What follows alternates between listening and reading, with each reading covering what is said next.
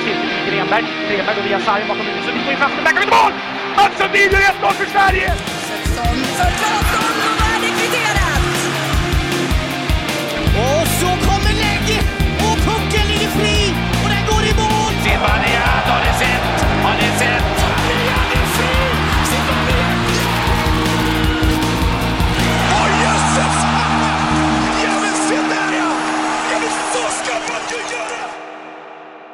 Vi säger välkomna till avsnitt 124 av, eh, av eh, pansarkryssaren Sarg ut. Som fortsätter att höras ute i etern och eh, där, vi, där man känns igen. Jag har den senaste veckan blivit eh, dels eh, fått orden bra podd av både en servitör på O'Learys och min närmsta granne dit jag nu har flyttat. Shoutout till dem. Jag tror inte de fattar hur sjukt det känns eh, att få borden. Du var ju mer anonyma i Enskede, Marcus. Där Ja. får man inte samma, nej. I Stockholm kan man väl nästan vara en A-kändis och inte bli igenkänd. Jag, jag menar det. jag och en Menar kollega det. såg Peter Sipen här, han, vi hade ingen aning vem det var. Eh, inte, inte för att han är en A-kändis kanske, men ja. Det, det jag vet jag tänkte säga, Peter Sipen är din definition av en A-kändis. Då, Nej, det då är det många A-kändisar ute i etern. Ja. för mig. A-kändis. Han var på min studentkryssning och spelade musik. Ja. Ja, okej. Eh, Men om vi ska ta på tal om kända grejer då, Marcus. Mm. Har du följt med på den här bedrövliga trenden om romarriket? Mm. Det är klart jag har, jag har till och med fått frågan om det. Ja, Kan du berätta kort liksom vad det är, eller hur det är? Jag som inte har TikTok. Ja, eh, Romar, jag hade ingen aning ändå, oavsett om man hade det. Men det, alltså, tanken är väl så här att det, någon startade en trend där eh, någon, inte om det är flickvän eller någon som pratar eller frågar sin pojkvän om så här, hur ofta tänker du på romarriket? Ja, och då har exakt. det tydligen blivit så fascinerande över att det är så många som tänker på det dagligen eller vardagligen, alltså Exakt, exakt. veckovis eller vad det nu handlar om. Det är Eh, många män som har sv- fått den här frågan och svarat så en gång om dagen typ. Ja, och, Vad- helt oberoende av varandra. Liksom. Precis. Vad svarade du när du fick frågan som de någon anledning har fått? Jag svarar att ja, det händer nog inte alls. Aldrig någonsin, eller nej, hur? Nej. Nej. Eh, Och det, det tänker jag också när jag hör det här, att hur fan kan folk tänka på romarriket? Sen började jag vara lite självkritisk.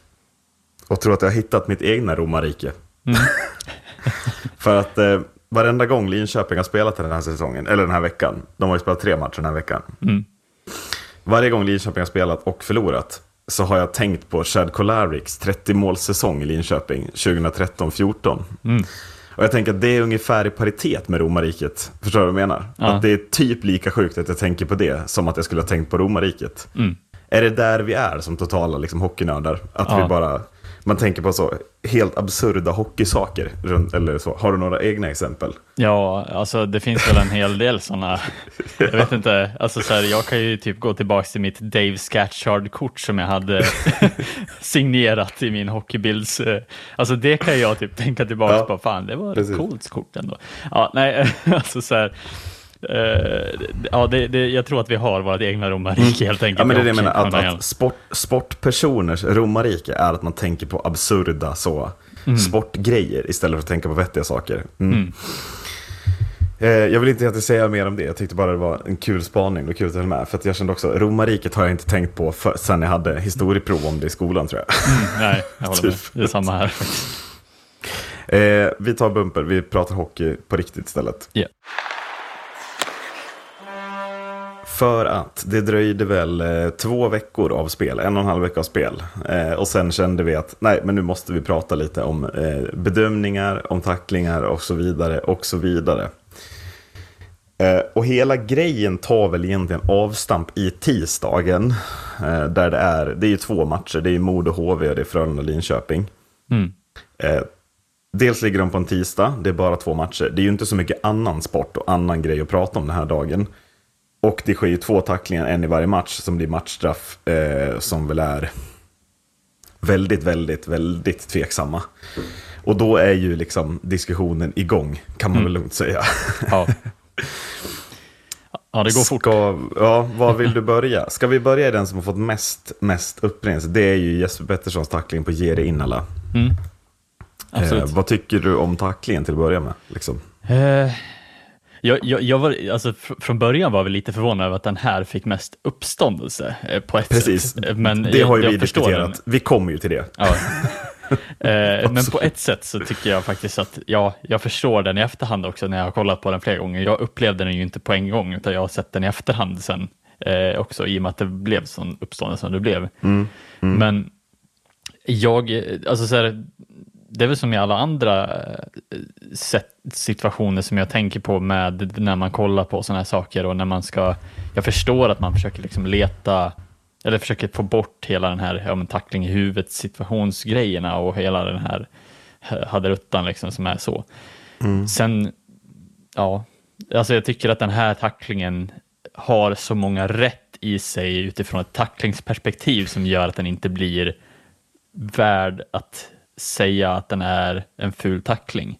Ja men exakt. Eh, och jag tänker att det är den vägen vi måste ta i den här podden. Alltså diskussionen har ju blivit helt... Alltså, jag, jag, jag, jag fattar inte att folk är så dåliga på att diskutera. Men den ena sidan, den står och säger här är regeln, läs den, det är matchstraff. Och sen finns det andra sidan som säger nej, det är inte matchstraff. Och det vi måste förstå här är att jo, det är matchstraff. De som säger att det inte är matchstraff, de har fel. För att regeln säger jo, det är matchstraff. Men det vi måste problematisera, det vi måste diskutera här, det är ju regelns utformning. Regelns totala utformning. För som du säger, det är så många rätt i den här tacklingen att det kan inte bli matchstraff. Alltså vi måste skriva om den här regeln så att den här tacklingen inte kan bli ett matchstraff. Det är där jag landar. För att jag, jag, tycker som du, det är liksom inte att han bara smäller honom fullständigt. Det är inte att han hoppar in, det är inte att han eh, liksom riktar kraften uppåt eller någonting. Utan det är en riktigt bra tackling som råkar ta i huvudet på Jere Innala, upplever jag.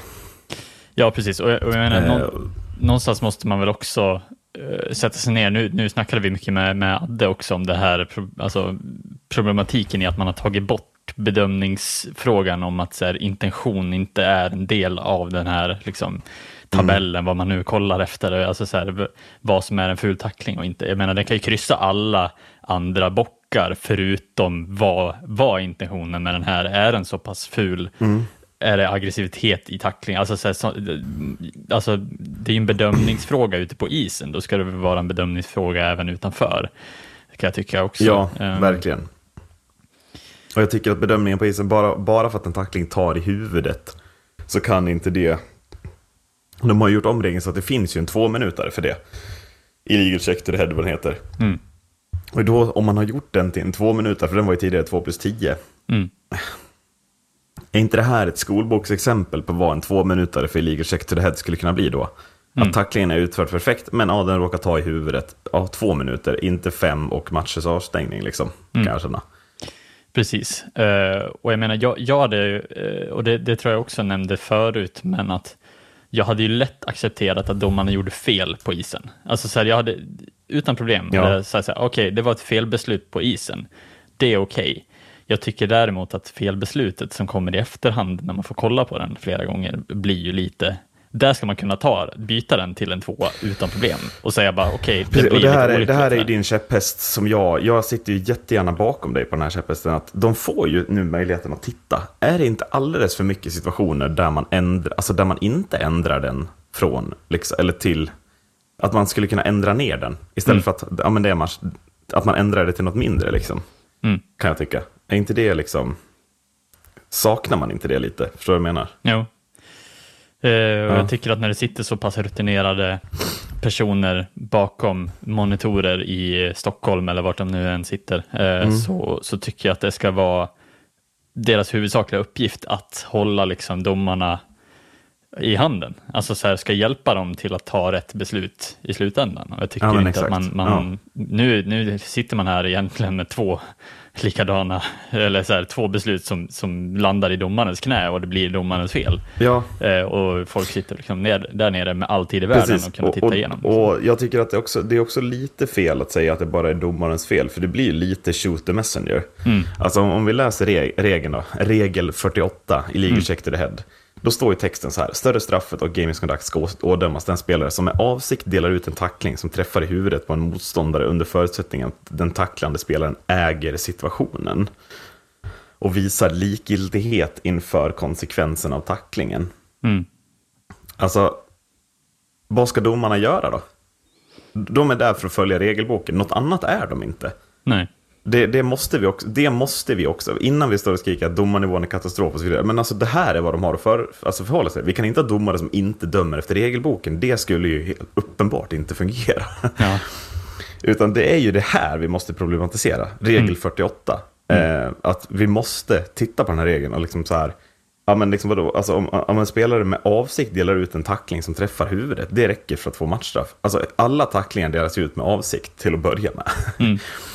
Det är där man måste lä lägga till något, alltså så med intentionen att träffa huvudet eller liksom, alltså man måste, man måste ju titta på intention och jag tycker inte att det är svårt att titta på intention i den här tacklingen. Nej. Eh, liksom. Ja. Nej. Och sen eh, kan man väl också, alltså jag, jag tycker att det är sånt otroligt bra statement också av Pettersson i efterhand, eh, där han skriver, nu har jag inte texten framför mig, men jag läste den eh, tidigare, men där han också beskriver hur jag upplever den här situationen också. Exakt, Mm. han bromsar, inte bara en gång, utan två gånger innan han Precis. siktar och med lagom kraft också kommer in. Han kommer inte in med hög hastighet, han trycker till den andra Mm. spelaren står en bit från sargen och det blir en olycklig träffar mot huvudet. Han är också ärlig med Precis. Mm. att den träffar i huvudet, men det är inte min avsikt. Nej, nej, jag håller med. Han siktar Jag till och med, med. så länge Och- innan han tacklar den här. Och då kommer vi ju till det som är det absolut, absolut farligaste med den här tacklingen. Och det är ju Svenska ishockeyförbundets disciplinens beslut. Varför det här har blivit två matchers avstängning. Eh, Det är tre nyckelfaktorer. En faktor till att det inte har blivit mer än två matcher, det är att motspelaren har ett ansvar att skydda sig bättre i situationen. De erkänner alltså själva att Innala skyddar sig dåligt. Bara där. Ja, Jag vet inte vad jag ska säga. Men sen kommer vi då till den första. Tack, tacklingen utdelades med viss kraft. Och Jesper Pettersson hade kunnat undvika att träffa motspelaren i huvudet. Förklara för mig hur Jesper Pettersson ska undvika att träffa Jere Innala i huvudet när han tacklar så som han gör här. Nej, jag vet. Alltså hur ska han göra det? Det är som du säger, han bromsar in, han siktar tydligt. Och jag tycker det är ingen uppåtgående kraft. Han går rakt på kropp. Alltså det är, det är liksom... Det finns ingenting i tacklingen som visar på att han höjer upp armen eller något sånt som gör att det är en extra träff mot huvudet. Så hur ska han då kunna undvika det? Han kan ju inte liksom gå ner i någon slags jägarställning när han ska tackla. Nej. Vad, vad ska han göra? Han kan ju inte då för att han är lite längre än Innala och att Innala böjer ner huvudet. Då, då, det enda sättet han då har att undvika att träffa huvudet på Innala, det är ju att inte tackla honom överhuvudtaget. Mm. Och vad jag vet så är det tillåtet att tacklas i hockey, senast jag tittade liksom. Ja. Ja. Ja, det är ju en del av sporten och det är det som vi vill att ska vara del av sporten, men då måste vi också Mm. liksom acceptera att det, liksom, det kan ske olyckshändelser i arbetet för Exakt, att det är en exakt. Mm. kontaktsport. Absolut ska vi straffa dem när de väl sker med, alltså med avsikt att skada eller avsikt att, att vara fula tacklingar, alltså så här, när det blir en annan typ av tackling. Men nu när man uppenbarligen ser också att han, han bromsar en, två gånger, precis siktar långt innan, han har hur lång tid som helst på sig också. Alltså så här, båda två, det, hela situationen känns så jäkla konstig i, i, i det sättet att det, det, att det blir en matchstraff överhuvudtaget av det här. För att han gör alla punkter rätt. Och om vi ska straffa någon som gör alla punkter rätt och ändå så blir det fel, då, då vet jag inte riktigt om vi kan behålla tacklingar i sporten överhuvudtaget. Precis, och det här, det här har ju disciplinen då fattat att oj, nu har vi skrivit den här punkten, den är lite tveksam. Vi måste lägga till en till punkt som gör att det här kan bli avstängning. Mm. Och då lägger man till punkten, Jesper Pettersson lämnade isen med båda skridskorna i tacklingen. Mm. Då, vad gör då disciplinen? De går ut och totalt blåljuger alla rakt upp i ansiktet, för detta är ju inte sant. När Jesper Pettersson träffar Jenny innan den här tacklingen, då har han ena i, eller skridskon i isen. Sen att han lämnar eh, liksom, isen liksom, när tacklingen redan är utförd, ja, det är en följdeffekt. Men han hoppar inte in i den här tacklingen, utan impacten när han träffar, det är det man måste bedöma. Och då har han tydligt en skridsko i isen, och då är det inte tåspetsen, det är hela skris- skridskon i isen. Så Ja. att eh, disciplinämne, för att det här ska kunna bli en av, avstängning, så ljuger man alltså eh, liksom alla rakt upp i ansiktet och säger jo, men han lämnar isen. Mm. Och här hamnar vi på ett ställe där jag känner bara, lägg ner skiten. Alltså lägg ner hela jävla disciplinnämnden, eller byt ut allt folk i den. Gör någonting, för att här, så här kan vi inte ha det. Det är Nej. inte svårare. Nej. Nej, och jag menar att om man ska tillägga till det också, så här, jag, jag förstår att de, så här, de sitter väl och kollar den här situationen i alla vinklar och i slow motion och hela jävla köret. Men det viktiga här är ju att så här, jag, alltså hoppet i en tackling, det är, ju- så länge den inte sker så som, som du säger också, att det sker inte innan, den sker ju Nej, exakt, efter ja. kontakten. Och hur många tacklingar är det inte som sker i att man lyfter lite med skridskorna efter varje kontakt? För det blir ju Såklart. ganska hård smäll. Det är väldigt Såklart. svårt att tackla någon när Det du är står två still på isen. Mm. extremt tränade personer som åker in i varandra och båda försöker parera att ramla. Det är klart Ja. att det kan bli följdeffekter att någon kanske lyfter in sig. Ja, men det är helt alltså- absurt att det är ett argument för att det här ska bli avstängning. Ja, menar du kan ju inte stå still och tackla en person alltså, på skridskorna med båda fötterna i isen hela tiden. Nej. Det hade ju varit Nej. helt absurt. Eh, Det- Så att det är liksom kraften i sig som kanske påverkar balansen på spelaren. Det, det måste ju vara tillåtet i efterhand. Så länge han inte hopptacklar honom så är det ju lugnt. Ja, Liksom. ja men exakt. Så att, ja. Ehm, och det som är ännu sjukare är ju att enligt mig och dig Marcus så är ju inte det här den, alltså det sämsta matchstraffet den här tisdagen. Nej. Utan uppe i Modo och Örnsköldsvik så har vi ju Tommy Tickas matchstraff. Som ju hamnar lite i skymundan för att han inte blir avstängd. Mm. är väl det enkla svaret. Ja. Eh, men du kan väl berätta situationen? Hur, vad som hände?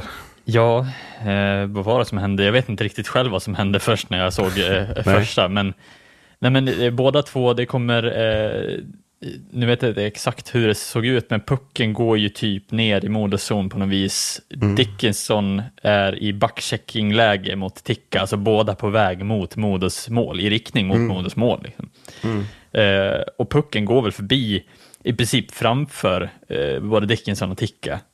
Jo men det blir ju, alltså någonstans är det väl en passning som ska till Dickinson som Dickinson missar och måste liksom vända, eller ja, eller hur det blir. Ja, pucken båda åker, alla som, som du säger, förbi. båda åker ju liksom i samma riktning. Det är ju Mm. inte att de åker mot varandra som Innala och Pettersson. Ja. Och båda spelarna i princip ja, jagar ju efter pucken. Alltså, och, och givetvis så vet ju Ticka att så här, ja, Dickinson, han, han känner att han har någon i ryggen.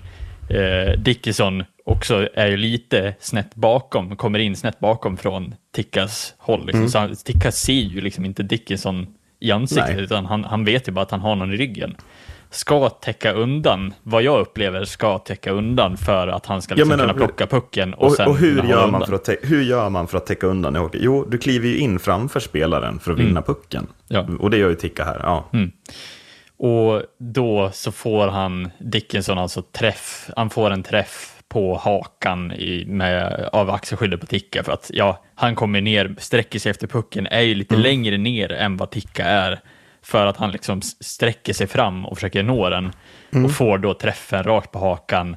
Givetvis eh, får ont, ramlar ihop, absolut. Eh, men sen ställer sig upp och är liksom helt fine, spelar nästa byte. Ja, men exakt. Och är inte problemet med situationen att är det inte mer Dickinson som åker in i Tickas axelskydd Jo. än att Ticka överhuvudtaget tacklar Dickinson? Det är Ja. det jag upplever som helt sjukt. Alltså, ja, men vad ska Ticka göra? Han kan väl inte rå för att Dickinson åker rakt in med huvudet i hans axel? Det är Nej. ju liksom inte hans problem. Det är precis, för Dickinson skär ju, alltså motsatt vinkel ska ju Dickinson in framför Ticka. Ja, ja, Han båda vill ju göra samma puck. sak. Båda vill kliva in Ja. framför och vinna pucken. Ja. Precis, varav, alltså så här, där sker ju krocken. Och jag menar, Mm. Någonstans här måste jag ändå tycka att Ticka, han, han har ju liksom ingen sikte över Dickinson. Han ser ju inte honom, för att han är ju snett bakom honom. Han ska ju För bara Ticka har ju vunnit täcka. CSK-duellen. Han Ja, är ju framme först. Han, liksom. han äger ju situationen. Om man säger. Ja. Nej, men alltså, så här, han kliver in framför, ska ju bara täcka av, lyckas träffa, råkar träffa ansiktet.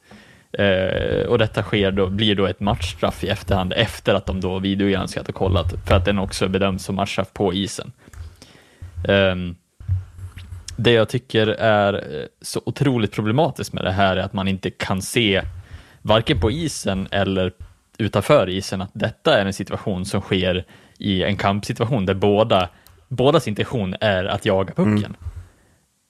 Och ingen någonsin, för att jag menar, Ticka kan aldrig ha sett Dickinson och tänkt nu ska jag tackla han, eller så här, nu ska jag gå in för exakt. nej, tacklingar. nej, nej, nej, nej, och det är ju ingen tackling. Det är fortfarande det. Det är inte ens en tackling. Alltså, alltså, det är, och det är liksom, det är ju det, för han åker ju ut, det är matchstraff enligt Mm. den här fina regel 48. Och enligt det så krävs det för att få matchstraff att en spelare som med avsikt delar ut en tackling. Ticka delar inte med avsikt ut en tackling här. Han är bara först in i situationen, Dickinson åker in i hans axel. Alltså är det helt omöjligt Mm. att bestraffa Ticka enligt den här regeln i den här situationen. Och ändå gör man det. Man går ut och tittar på den. och ändå står man fast vid sitt beslut. Och här är det ju, alltså i Jesper Petterssons fall, där tycker jag inte domarna ska ha för mycket kritik. De dömer efter regeln som de har fått till sig. Ja. Men i det här fallet, i det här fallet så är det ju domarna som ska ha extrem kritik för att de inte kan regelboken. Att de inte kan bedöma enligt hur regelboken säger. Att spelaren som ska åka ut ska med avsikt att dela ut en tackling. Det här är inte en tackling, punkt, säger jag. Nej. Nej, och jag, jag blir förvånad, eh, extremt förvånad över att man inte kan se det. Alltså så här, Mm. varken på, jag kan förstå att man kan missa den på isen för att det ser väldigt, det ser väldigt Ja, men på isen ut förstår jag att man höjer armen. För att det ser ju verkligen ut som att han sätter upp axeln i huvudet på honom. Men det är ju därför det här att titta på det finns, tycker Ja. jag. Som är, ja. Precis, och därav, där blir ju hela den här alltså situationen väldigt pajig i att man kan titta på den och fortfarande tycka att det är med avsikt som, Tom, alltså, som tickar då går in och tacklar Dickinson i huvudet.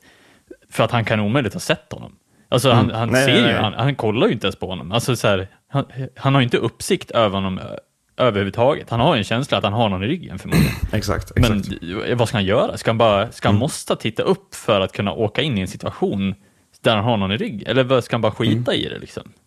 Ska han skita Mm. Nej, men- täcka pucken för att Dickinson ska vinna pucken då? Eller ska Dickinson skita i att gå in i och, och situationen? framför allt, kan vem som helst bara åka in i axeln på en annan spelare, ramla och få ett matchstraff med sig? Det är ju den f- stora. Mm. Ja, jag, alltså jag förstår inte hur man, alltså, hur man kan sitta i efterhand och tycka att den är ett matchstraff.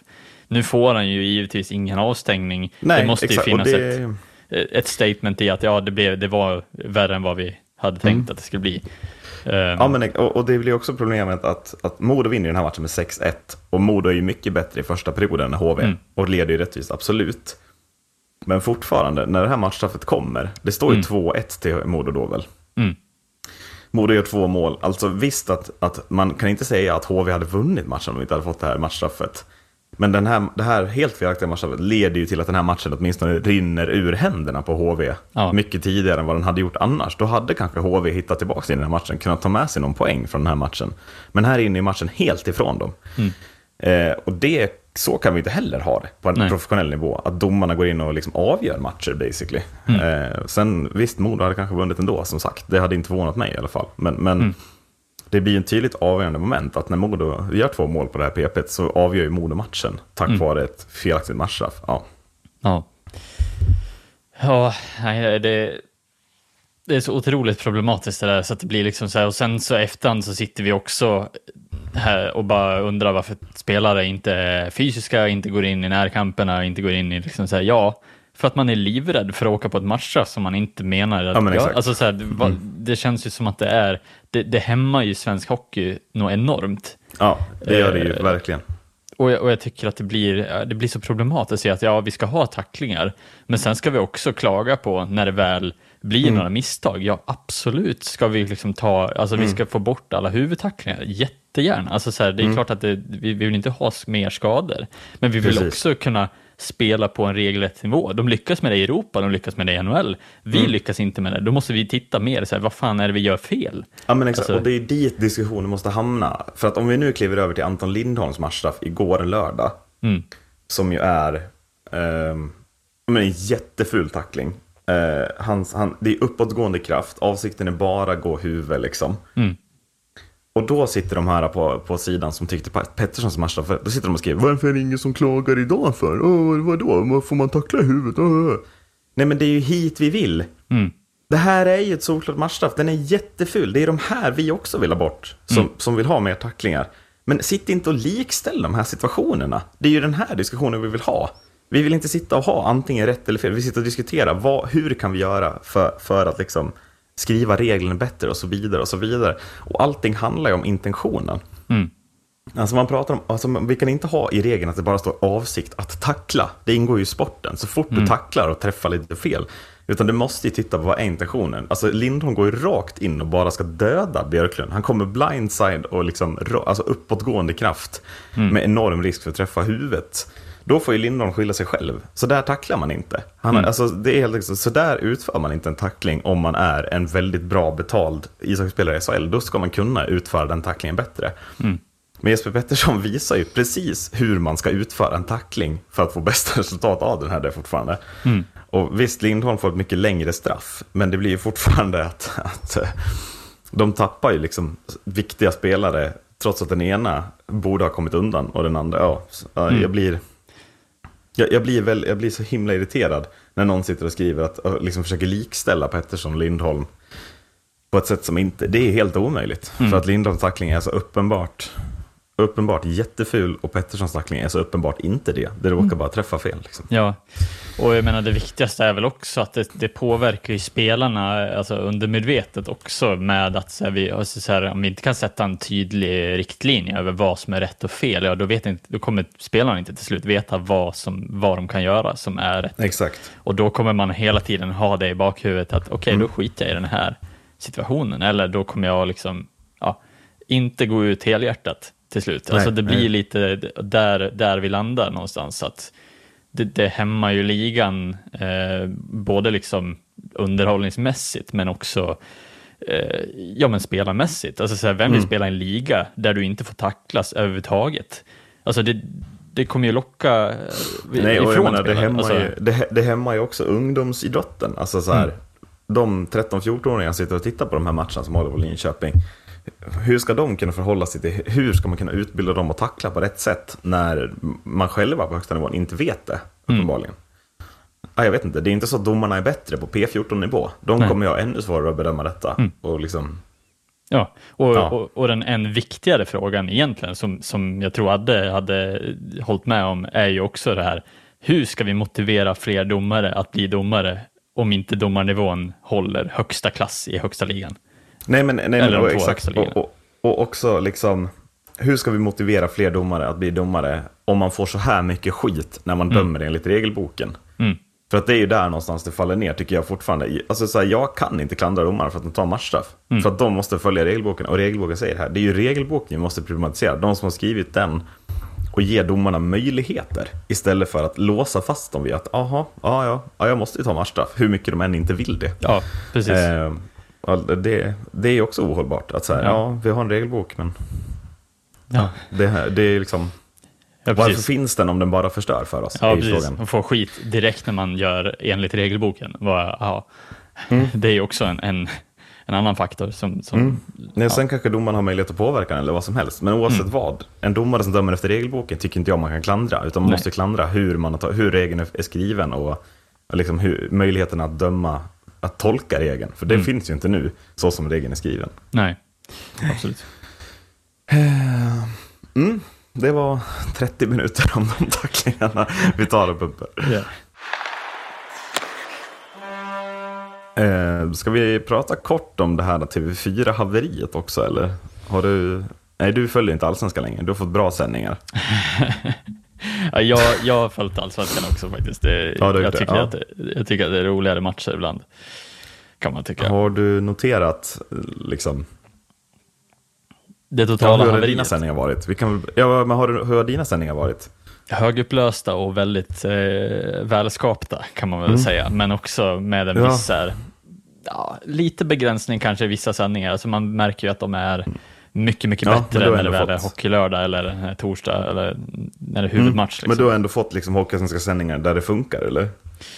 Eh, ja, alltså de hockeyallsvenska sändningar som jag kollar på, sen är det vissa som har typ dött, alltså så här blivit svarta helt Mm. och hållet någon gång och bara så här, och så man hör ljudet och så vidare. Eh, det har hänt mig en gång i alla fall.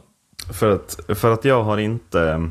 Jag har inte heller upplevt, många har ju upplevt så här att det typ är bildproblem, att det typ är pixlar som åker runt och spelar hockey för 500 spänn i månaden. Mm. Och att ljudet är borta är också sjukt störande. Det har inte jag upplevt heller, det är helt, men det är ju uppenbarligen så. Det är jättemånga som skriver om det.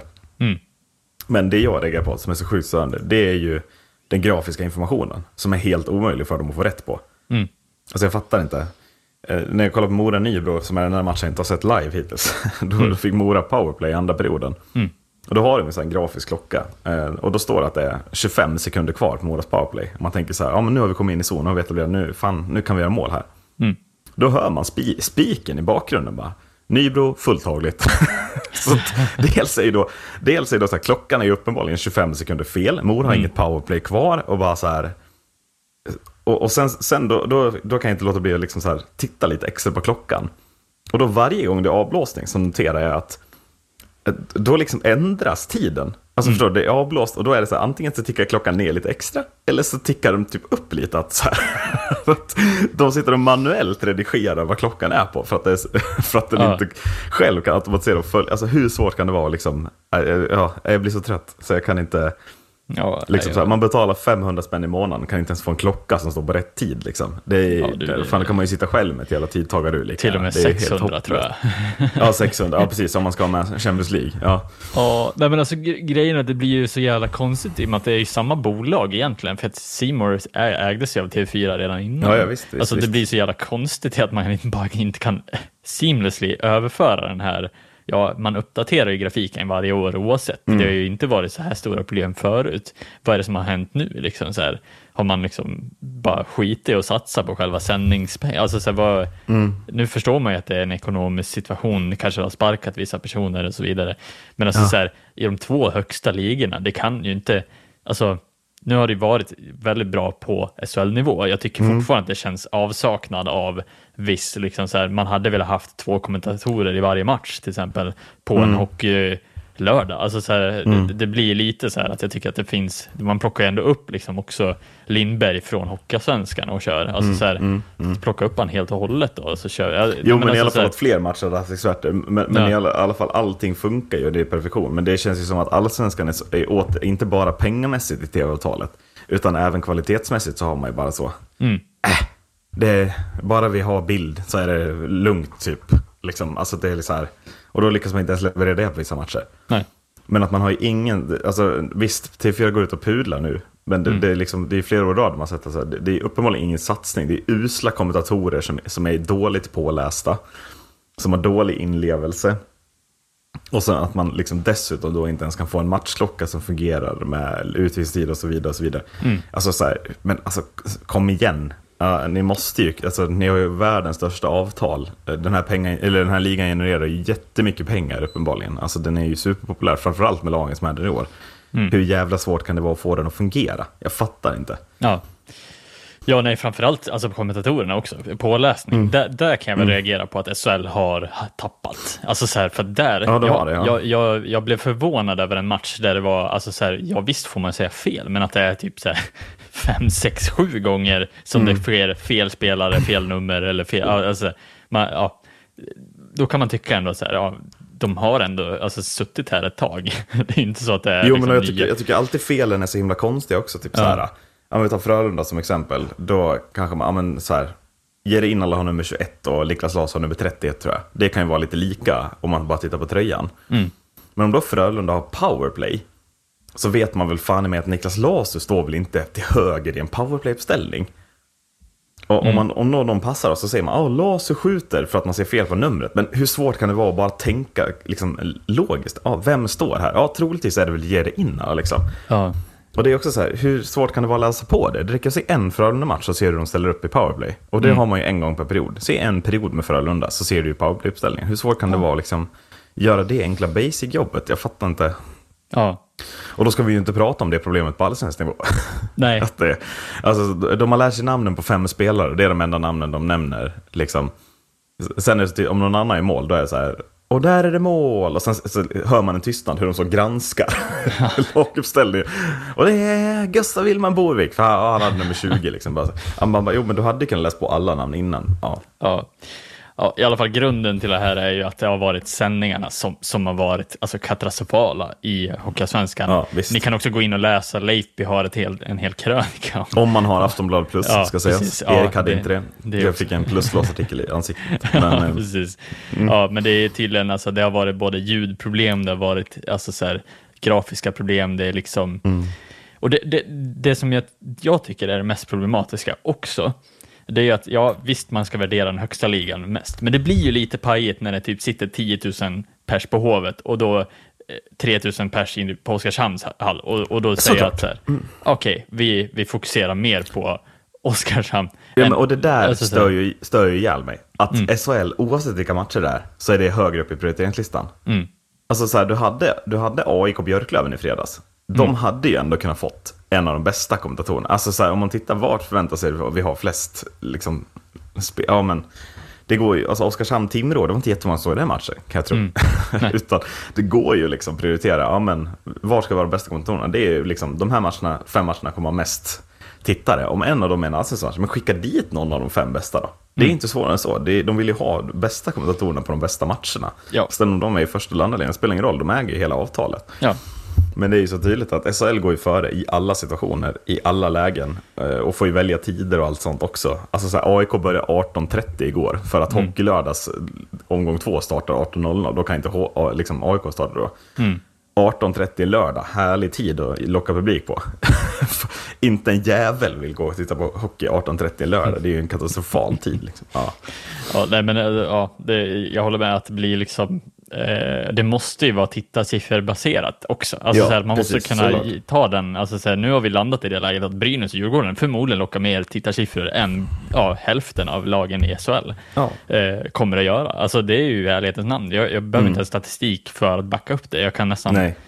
på rak arm säga att det är så. given, Alltså, såklart, Djurgården, ja. AIK, utan tvekan kommer att ha det. Jo, men, Alltså, det och när Brynäs och Djurgården väl möts, Mm. så kommer ju det vara den mest tittade matchen, vilka som än möts i SHL. Ja. I stort sett. Ja, jag tippa på. Mm. Ja, och då spelar det ingen roll hur mycket mitt Modo ens möter Timrå i, Nej, men exakt. i SHL. Liksom. Jag är helt säker på att tittarsiffrorna finns att hämta i Hockeyallsvenskan. jag tänker du som många. supporter skulle ju acceptera det. Om Modo möter Oskarshamn hemma samtidigt som Brynäs möter Djurgården. Mm. Du skulle inte klaga om, om de skickade bättre sändning och bättre kommentatorer till eh, Gävle den Nej. dagen. För du skulle fatta, ja den här matchen är troligtvis intressantare, även fast den är en liga ner. Mm. Men, men det har man inte fattat, utan det är tydligt på att SHL ska ha all prio. Mm. Alla scheman läggs utifrån det, allting. Alltså all, Hockeyallsvenskan ska bara anpassas till att inte störa SHL. Punkt. Ja, ja det i, i en bättre dröm hade det kunnat funkat. I en Med bättre både värld. avtal, både avtal och eh, I sändningar. en bättre värld hade sändningarna funkat och Jesper Pettersson hade inte fått matchstraff. Men man kan inte få allt här i livet. Nej, är det så precis. vi landar? Mm. precis. Eh, vi ska prata om lite lag också, eh, Mm. så att vi, vi går vidare till det. Eh, när jag sa att vi skulle prata om lite lag, då stod det Brynäs och Frölunda. Eh, jag kände att jag, jag höll inte med om att de var intressanta, men du har väl någon take liksom? Take, det var bara mer att jag, jag gillar eh, jag gillar att det är de två lagen som jag upplevt har de största, liksom, den största pressen på sig eh, inför den här säsongen, sjukt nog på något vis. Alltså så här att de, de ändå, ja givetvis ska ju Brynäs ha det, men Frölunda kanske lite mer tvek på varför de har det egentligen. Med den Mm. ja, det har vi varit tydliga med att vi inte tycker. Så att, Ehm, Men jag tycker att det, kan alltså så här, det är väl lite fräscht att bara bolla upp den segern som Frölunda har eh, igår. Där man åker ja, till ur flera, flera aspekter. Mm. Att eh, man slår alltså Rögle med 8-2. Mm. Mm. Eh, och jag tycker att det är jag tycker att de svarar på, på väldigt många frågor som jag hade eh, i alla fall. Att, att det, känns, det kändes lite som att de hade, skulle ha en avsaknad av målgörare, de skulle ha en avsaknad av eh, ja, men offensiv spets på det sättet. Eh, På ett vis, eller offensiv rutin om man skulle kunna sä- säga så. Eh, och sen vara lite nykomlingar i sitt eget lag, om man kan, Ja. kan uttrycka det så. Jag tycker att det känns som ett Frölunda som kommer till jobbet som, ett som en helhet och en enhet eh, och verkligen bara en, en lagmaskin som, som imponerar på mig eh, enormt under den här pressen som de ändå oförtjänt har fått av alla experter. Vad tycker du om det? Eh, jo, men alltså, jag håller ju med. Eh, jag tycker inte Frölunda ska ha den här pressen. Men, men för alltså, hur mycket vi än har kritiserat Carl Klingberg i den här matchen, eller i den här podden i den här matchen. Mm. Men han kommer ju in och är den målskytt och den rutinerade gubbe som Frölunda behöver. Mm.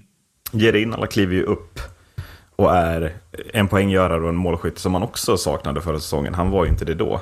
Eh, och sen, jag menar framför allt, Gustav Rydahl, det har inte varit så mycket poäng hittills. Men det känns ju som att det är ju bara Joel Lundqvist 2.0 som har kommit in. Bidrar med precis samma saker på isen. Det leder den där första linan på bästa sätt liksom. Eh, så att man har hittat rätt många värvningar hittills. Eh, och det, sen är det klart, det finns ju spets överallt. Tömmernes, Folin, alltså det finns ju spets. Eh, men framförallt har man väl kunnat ersätta. Innala känns ju lite lik Lash hittills. Gustav Rydahl känns lite lik Joel. Ja. Patrik Karlsson var väl inte så svår ersatt kan jag känna från första början. Så att man har prickat rätt med mycket. Och, det- Och det leder till att man också är med i toppen av tabellen, känner jag. Mm. Och det känns ju som ett Frölunda som, alltså så här, trots pressen och leva upp till förväntningar av, eh, av liksom tappet av stora eh, ikoner och spelare, så har man ändå typ hittat. Alltså så här, det, det är inte så att Henrik Tömmernes har gått i bräschen för att liksom vara någon form av otrolig spelare heller. Han har bara behövt. Mm. haka på det här Frölunda så, som bara har liksom trummat på i bakgrunden. Sen givetvis kanske man hade kunnat önskat eh, några fler, alltså så här, de hade Ja. säkert kunnat ta en tre poäng till eller något sånt där. Men alltså med tanke på förväntningarna och med tanke på den om organisationen man har gjort kan man säga, så, så känns Ja. det som att de ligger precis där de borde göra eh, hittills. Och, sen upplever jag också att man, man inför säsongen, när man skulle tippa för den, man tittade kanske lite för mycket på just det här tappet av vissa spelare. Mm. Och glömmer bort hur bra Roger Rönnberg är på att, på att ge, utveckla spelare, ge dem nya roller. Alltså titta Linus Högberg exempelvis. Mm. Som kommer in och är en av ligans bästa backar hittills på en backsida som redan innehåller Henrik Tömmernes och Niklas Folin. Eh, titta på den här, eh, vad heter han? Säger man David Edström fast han är från Sverige? Jag har aldrig fattat det där. Han Eh. stavar inte med Ö. Så att det är Edström, eller Edström. Ja, jag vet Ja, jag skiter i det. 20, 20, född 2005 liksom, kommer in i Frölunda, sex poäng på sju matcher. Mm. Från ingenstans hittar man en spelare som gör sex poäng, som är 18 år och får bara cent ja, här, centra tredje kedjan du. Jag Mm. tror på dig, säger Roger. Och han tar förtroendet. Det där har man ju glömt bort med Frölunda, att Roger Rönnberg har ju alltid några sådana här spelare också, som Mm. kommer att prestera över deras tänkta förmåga när man tittar bara på truppen rakt upp och ner. Mm. Och om man då får träff på de tilltänkta spetsspelarna, så som Innala och Mm. vad heter det, eh, vem skulle jag nämna, Carl Klingberg har presterat hittills. Om de presterar samtidigt som Roger utvecklar de här bakom, ja, då är det ju det där maskinen Frölunda Mm. som kommer att, att vara eh, liksom, som de alltid har varit, att vara med där uppe. Ja. Svårare än så är det inte. Jag tror också att det är, alltså, jag tror att många underskattar också, givetvis, ja, man, man, man ska liksom vara lite våghalsig och ge förtroende till, till juniorer och så vidare. Men jag tror att den viktiga delen som många liksom förbiser med typ, alltså coacher som Roger Rönnberg och så vidare, att de ger en känsla av ett förtroende som är mycket större än vad det egentligen kanske är. Ja, och det tror jag är än viktigare än att ge dem massa istid. Mm, För jag menar, titta på Hens och titta på Hasa, liksom, oavsett om de sitter någon match eller kommer in liksom lite, alltså, Mm, det känns som att de bara, ja men fan, jag vet att Roger tror på mig så länge jag Ja, men, gör eh, mitt bästa på Alltså, och framförallt och. Roger Rönnbergs stora styrka är ju att han får ju spelarna att lita på att jag kommer göra bästa eh, för dig. Alltså så här, Mm. om David Edström nu, eller vad han heter, gör två raka matcher där han gör noll poäng framåt och är inne på minus två båda matcherna och de förlorar. Då kommer Roger bänka honom. Men det har. Ja. ingenting med management by fear att göra. Att så här, eh, ja men du var dålig, du blir bänkad. Utan de bara fattar, men Roger, så här, nu behöver jag vila lite, jag behöver få tillbaka självförtroende. Alltså han jobbar ju med spelarna på det sättet. Ja, men så länge det går bra, då får du mer och mer speltid. Mm. Och sen när du hamnar, men så här, nu, nu ger vi lite mindre speltid ett tag, nu får någon annan kliva fram lite. Eh, liksom, eh, och spelarna litar på att Roger ger dem, alltså han måste ju ha en otroligt bra one-on-one med varje spelare. Där spelarna känner sig väldigt trygga med att Roger kommer att ge mig bästa möjliga förutsättning på något sätt. Mm.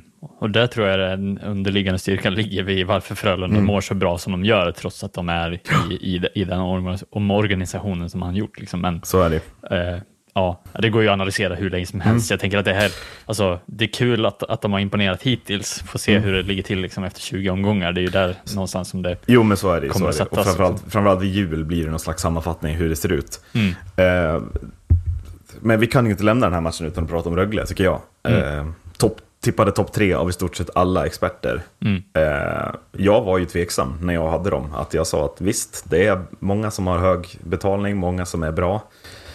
Men eh, ska de, spelare som förra året inte presterade så som borde, ska de mirakulöst börja göra det? Och nej, det gör de ju inte. Eh, Rögle ligger botten fem. Mm. Och jag ser inte det här skeppet vända med Cam Abbott i båset just nu. Nej.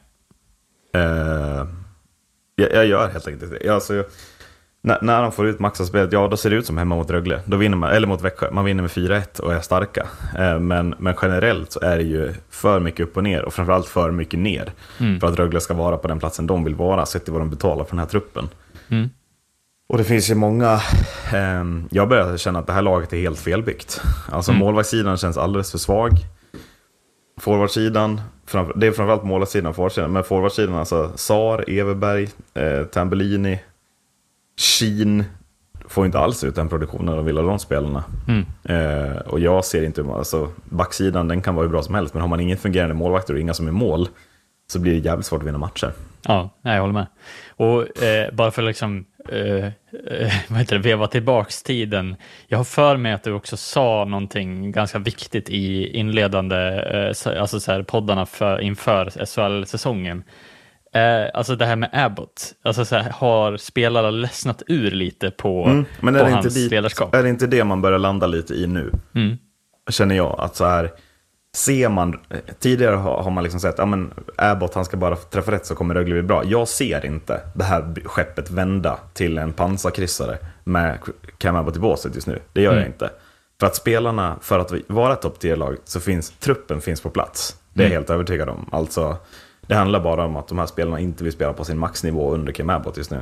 Eh, och det, Och det behöver inte Ja. aktivt vara heller att man bara, ja, jag ogillar Cam. Alltså så här, det, det kan vara sån undermedveten eh, tanke hos många spelare. Som, Mm. alltså så här, mycket handlar om att man ska gå ihop med den typen av coach förmodligen. Ja. En ganska strikt coach, men otroligt trevlig utanför. Eh, men jag tror att han är Ja, väldigt jag menar med en mån spelare som är, som är uppenbart liksom så, duktig på att utveckla spelare och så vidare. och så vidare Men jag kan liksom inte landa i något annat heller än att de spelarna som ser bäst är de här unga spelarna. Så Typ Adam Engström ser bäst ut i truppen. Eh, han får förtroende, han vill utvecklas. Cam Abbotts spel utvecklar ju unga talanger.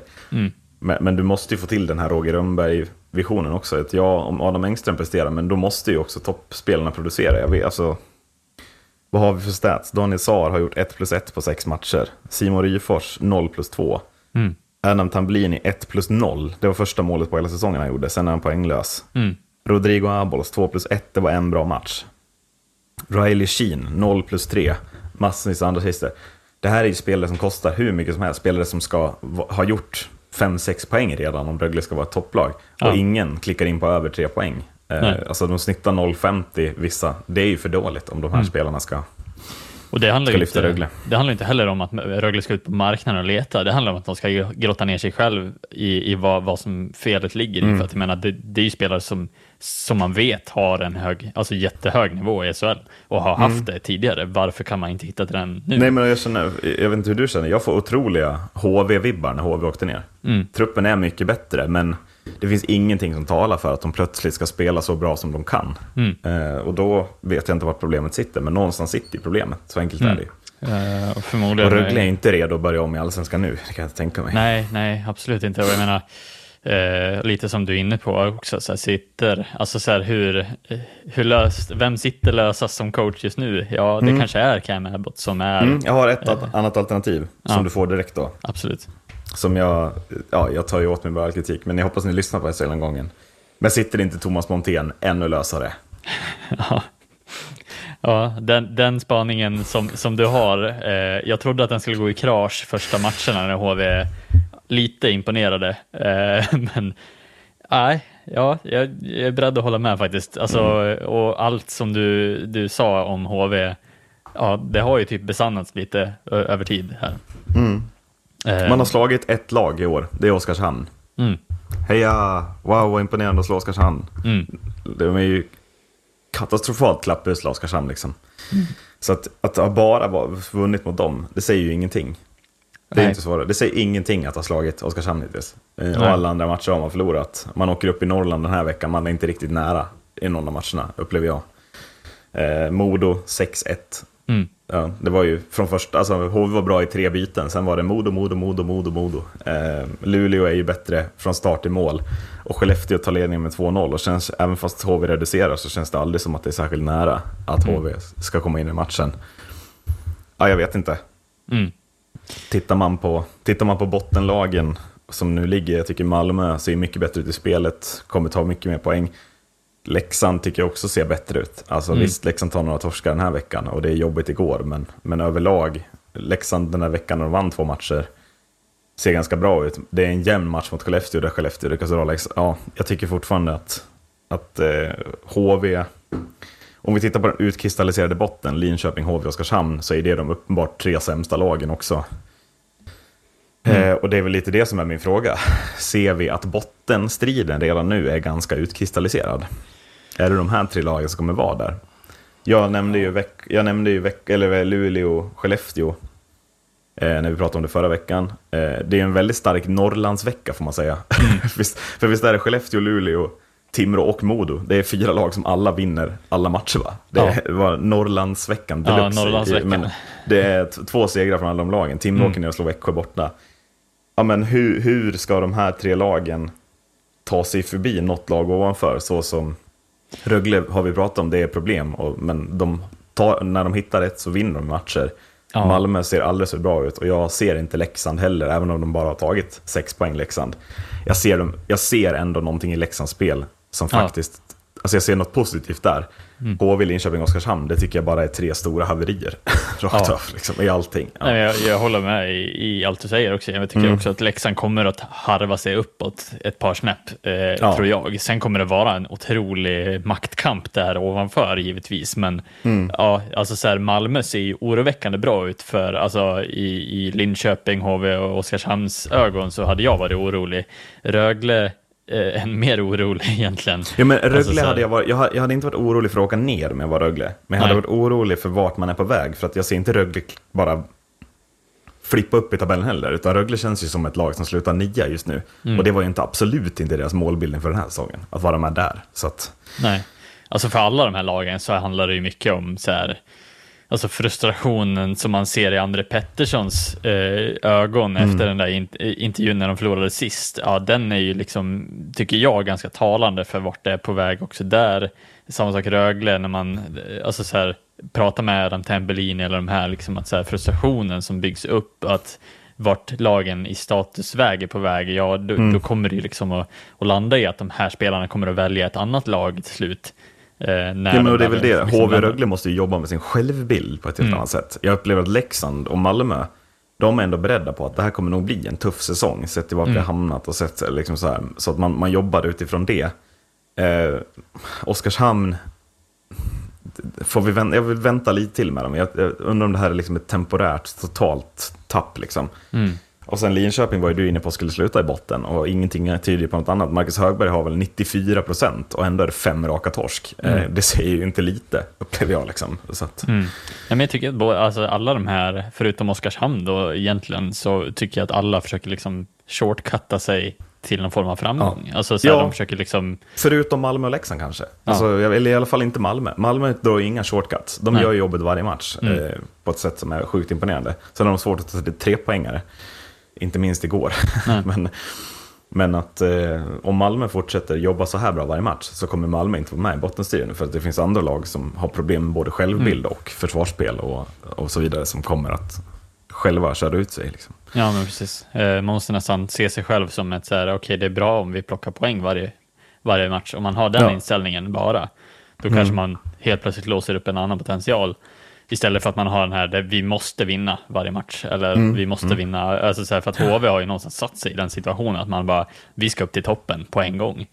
Jag tror att det Ja, är en ganska och- ohälsosam liksom, Jag måste säga, jag förstår inte HVs självbild. Alltså, man är jättebra i premiären, åker dit på straffar mot Linköping efter att Högberg är liksom säsongens insats hit som enskild spelare. Man är jättebra i två perioder mot Färjestad, tappar ett 0-5, känner att ja, men vi har något på gång. Vinner lätt mot Oskarshamn hemma. Och då är det som man tror att, ah, bra, nu är det lugnt. Och så åker man, på, åker man upp i Norrland, tre raka torsk, där man är långt ifrån att ens vinna. Nej, alltså. Jag fattar inte. ja. Eh, Allsvenskan då, Brynäs vill du prata om. Mm, absolut. Eh, och där tycker jag det, det mest intressanta att prata om i, i, eh, i de matcherna som jag har sett, nu är det väldigt få matcher vi har fått se Brynäs, de tyvärr åkte väl dit, eller vad säger jag, de, de spöade Mora på hemmaplan ganska Jag var på rejält. plats, jag var på plats i Gavlerinken i fredags. Det vill jag inte prata mycket om, tack. Nej, så vi, vi skippar den helt enkelt. Men utöver Ja. det, jag tycker man ser den här tendensen till att ja, man kommer in med ett ganska högt självförtroende, man kommer in med högt tempo i en hockeyallsvenska och man kommer in med en självbild där man är ett topplag och eh, vinnare av den här serien. Jag tror lite att Brynäs kommer att behöva jobba hårt med att förstå att man kommer att vinna väldigt, väldigt mycket matcher, precis som Djurgården gjorde förra året, och sen behöva inse att det finns två andra lag som man ska slå i den här serien. Det är där som den mentala biten kommer att vara tuff, som tuffast för Brynäs. För som lag så tycker jag absolut de har alla medel, alla, liksom, alla ingredienser till att ta steget upp igen, Ja, exakt. givetvis. Så Det kan man inte säga Mm. emot.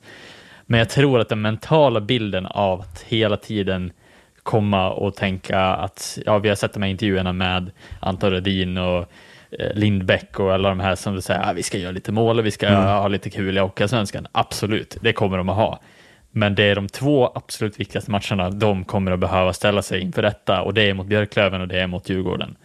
Eh, Ja, men så är det. som jag Och- tror och- att de kommer och att... Framförallt, det, det ska bli liksom intressant att se om Brynäs nu, nu slog de Västerås borta, alltså Mm. till sist efter, men tänk om de får några torsk på rad. Alltså Mm. så här, det ska bli intressant att se hur de hanterar det, för man upplevde, när, när HV var nere, man Mm. upplevde att så här, det finns ingenting som kan röra HV just nu. Ä- Även om de skulle förlora fyra matcher i rad. Alltså det känns som att ingen, det kommer bara rinna av dem. Jag känner ändå att Brynäs har, har ändå en känsla att så här, ja, men, mm, om, om, det börjar, om, om det börjar bli lite jobbigt liksom, så kan det bli lite sämre hanterat av Brynäs eh, Mm. på något sätt. Jag vet inte. Ja. Men, Ja, eh, det, det, det finns ju en, en risk i och med att det är ju ett lag som kanske inte har eh, spelat ihop sig otroligt länge heller eh, på det sättet, men också alltså, har en, en, en historia av att det har gått otroligt, otroligt långt och dåligt i SHL. Alltså så här, bara där att man kan liksom falla ihop så otroligt eh, trots att det var lag som låg bakom de sista omgångarna. Eh, att man, att man landar i den att så här, varför vinner vi inte till slut? Alltså så här att eh, men det är lite precis, den, ja. eh, alltså kommer man till Nybro eh, borta liksom och torska med Mm. 3-2 efter, alltså så att det, det kan ju vara en droppe som, som är otroligt jobbig för, Mm. för Brynäs och både Brynäs supportrar men också att man börjar, man börjar få krav på sig igen, det börjar brinna lite i väggarna igen. Alltså så att, ja, det, det är ju sådana grejer som man också ska vara mentalt förberedd på. Samtidigt så som de ser ut, Brynäs, nu om vi tar fredagens match då, men alltså spelet som Gällstedt har satt hittills, det är ju, alltså de är otroligt svåra att låsa fast i egen zon. De är Mm. otroligt skickliga på att ta sig ut, så att hittills så upplever jag ändå att självbilden är, den är bra, de fattar vad de måste göra. Eh, och sen har eh, puckarna la- ramlat in på ena sättet efter andra. Mm. Så att så länge de håller uppe det här och inte förlorar fler matcher i rad så kommer ju ingen klaga heller. Alla fattar att någon gång kommer man förlora. Liksom. Ja. Det, men det ska bli lite intressant att se om det kommer. HV hade ju en period, då förlorade de väl fem raka. Mora startade den på bortaplan. Mm. Sen var det Kristianstad gånger två och så vidare. Men även fast de hade den perioden så rann ju det bara av HV. Eh, Mm. Det ska bli intressant att se om Brynäs reagerar samma om det kommer en sån period. Men då måste det också göra det. Mm. Sen hoppas jag också för den här ligans skull, hoppas ett lag till verkligen steppar upp så Mm. att det blir en topp fyra. För att annars så blir det precis som förra säsongen, att det kommer vara så otroligt viktigt att bli etta. För att då Mm. får du en lätt semifinal också. Ehm, och det, ja, då blir det ju det laget som kommer vinna. Utan Mm. det skulle vara jävligt trevligt om det var om Södertälje eller något lag. Se till att vara svinbra så att det blir två stentuffa semifinaler när vi väl är framme där. Liksom. Ja, ja eh, Södertälje framförallt kan vi väl säga hade varit väldigt kul. Mm. Ja, men Västerås då? Alltså Ja. starten på säsongen i Västerås ska vi väl inte underskatta. Enkel seger mot Almtuna-premiären. Man krigar till man vänder 1-4 till 4-4 mot, mot eller Brynäs hemma. Man slår Södertälje borta matchen efter det. Västerås har väl något på gång, måste vi väl ändå säga. Att de har ju börjat mycket bättre än vad de gjort de senaste säsongerna. Eh, Ja. Och kan man hålla uppe det så, så vad fan, kom igen. Så kan ju de vara där också, det tror jag. Ja, ja, absolut. Tydligen spelade väldigt fräsch hockey senast, hörde jag. Eh, jag Mm. Verkligen. såg Ja, men alltså, de var ju bättre men- mot Södertälje som jag fattade. Ja. Eh, liksom, får ju ett onödigt powerplay, eller powerplay emot sig i slutet av matchen så Södertälje kan kvittera, annars är det tre poäng att kvittera ut. Liksom. Mm. Eh, ett lag som dock inte kommer med i toppen, BIK Karlskoga. Ja, Eh, och här börjar vi väl se ett lag som också måste jobba på självbilden. Mm. Var man är någonstans. För att jag tror att de har tänkt att vi är ett topp 6-lag. Och, man, och kommer in i den här säsongen.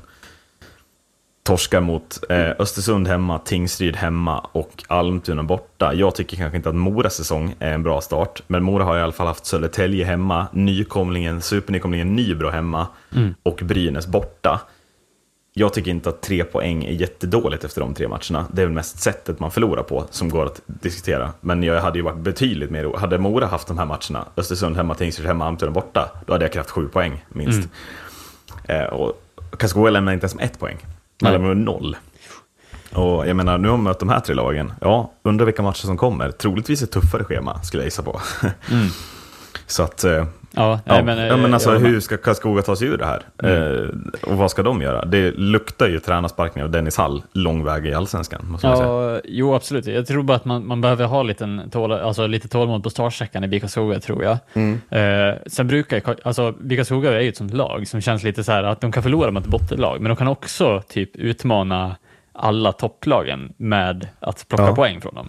Så att de känns lite så här, ja kan de Men kan, de det i år? Känner du det efter den här? Att de kan, för att jag, jag säger så här, nu, nu kommer det två raka matcher i då möter de nykomlingarna. Det är Kalmar borta och Nybro hemma. Sen kommer schemat, Brynäs borta, Västervik hemma, AIK borta, Björklöven hemma, Södertälje hemma, Västerås borta, Djurgården hemma och Mora borta. Ja. Alltså om man inte har några poäng att gå på inför det schemat så kan det ju bli ruskigt obehagligt för Karlskoga eh, när det här schemat börjar. För Ja. där är det ju lag som är uppenbart bättre än dem.